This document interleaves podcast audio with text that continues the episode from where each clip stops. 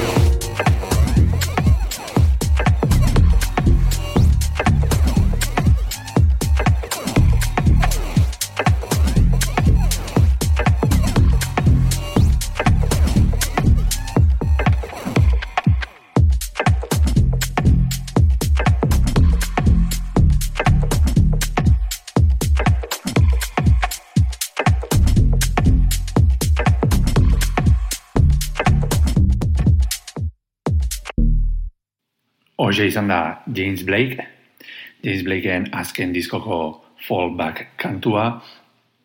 E, James Blake artista izugarria da niretzat, segulako diskak ditu eta azkena azkena ere horrelako txa. Urrengo abesti hau, Euphoric Melodies, elka artista Britainiarrena da.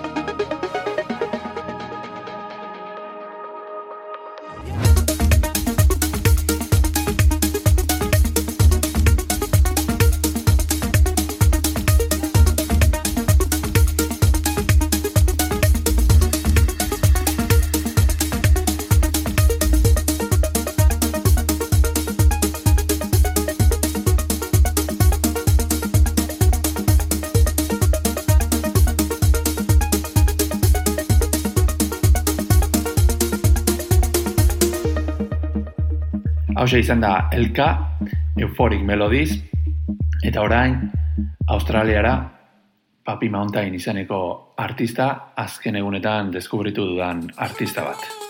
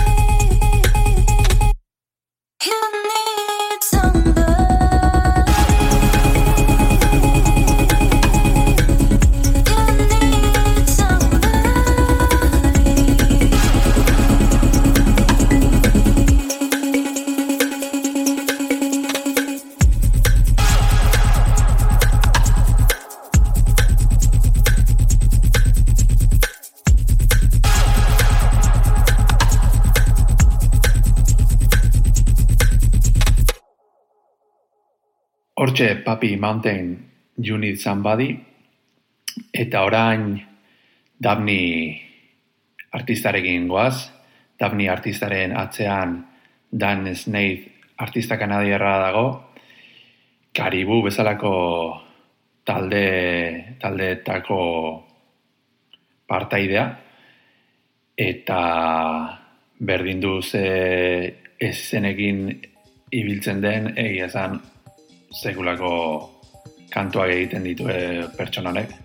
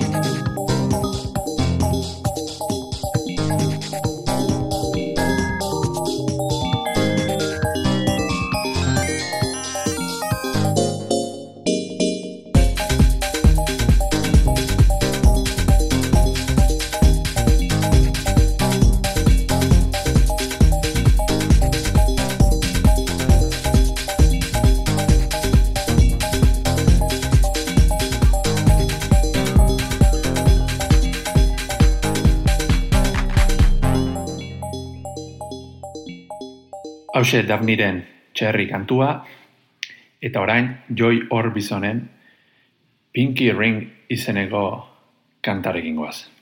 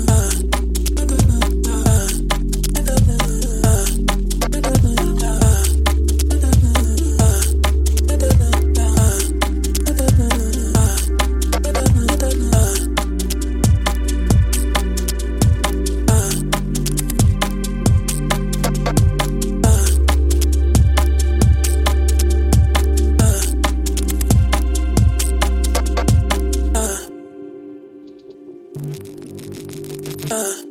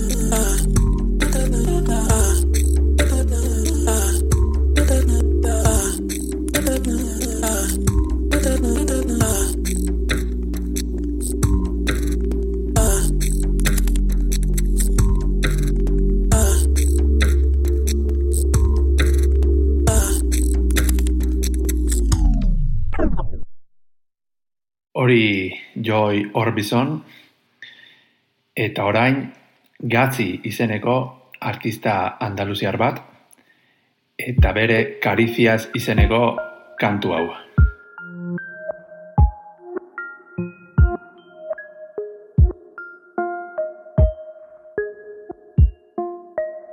Okay, sounds good.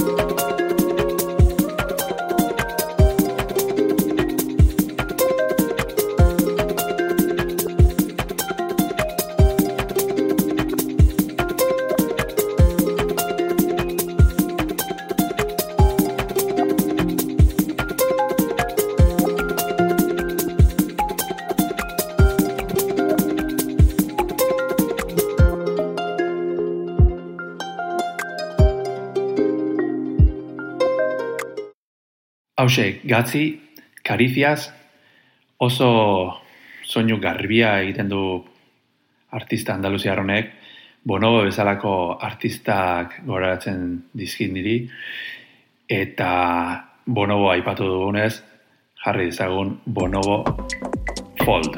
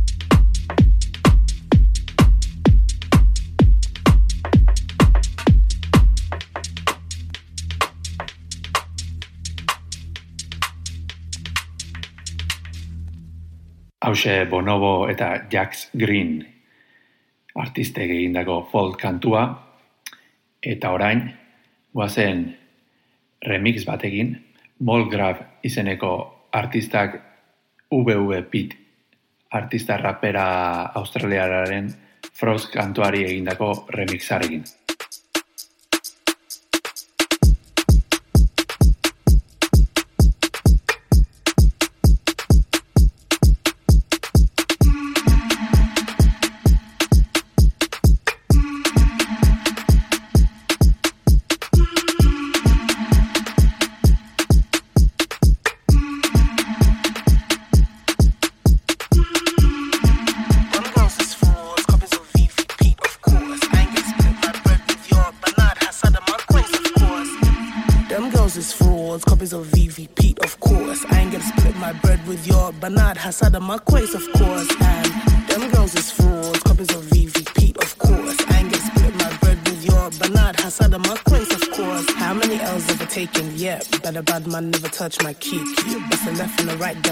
appetite of a young gal called Vivi.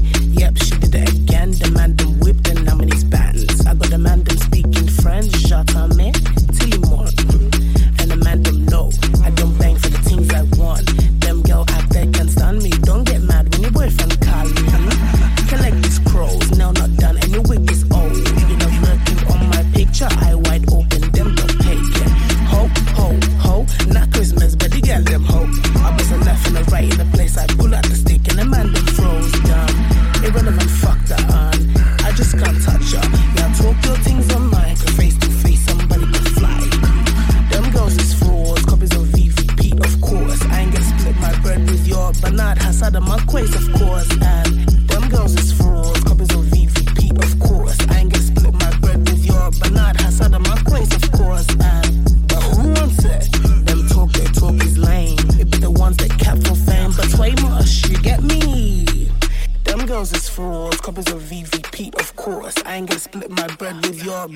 outside of my place, of course.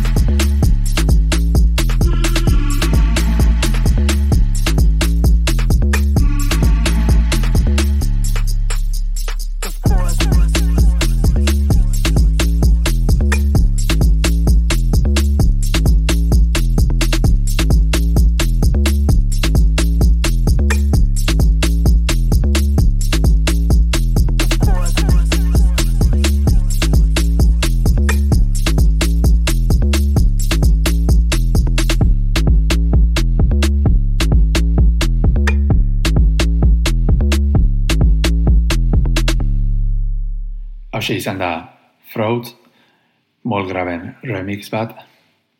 Oso soinu berezia daukala iruditzen zain Molgravek. Ukitzen duen guztia bintzat bere soinu propioa jartzen diola iruditzen zait.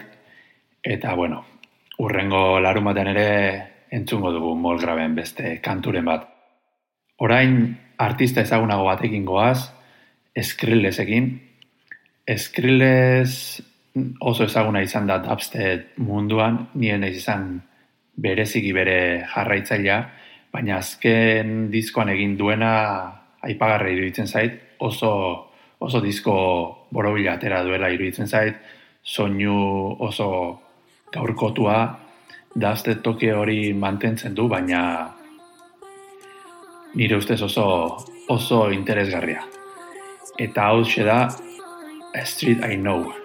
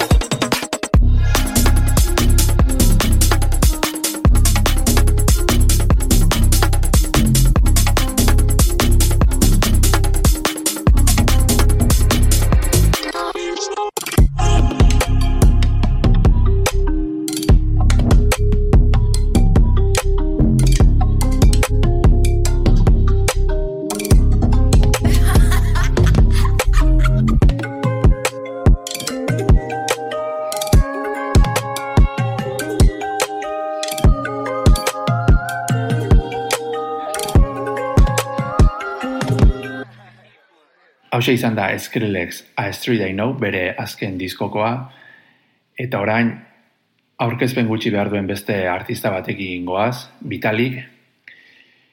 Vitalik egia esan zuzeneko artista bat bezala dokanik, hiru aldiz edo ikusi dut eta egia esan ez du inoiz faiatzen, eta Friends and Foes izeneko kanta aukeratu dut, iruditzen zaidalako nahiko garbi ikusten dela zein den bitalik, nolakoa den bere soinua, eta nolako izan daiteken hori zuzenean. Beraz hause, Friends and Foes.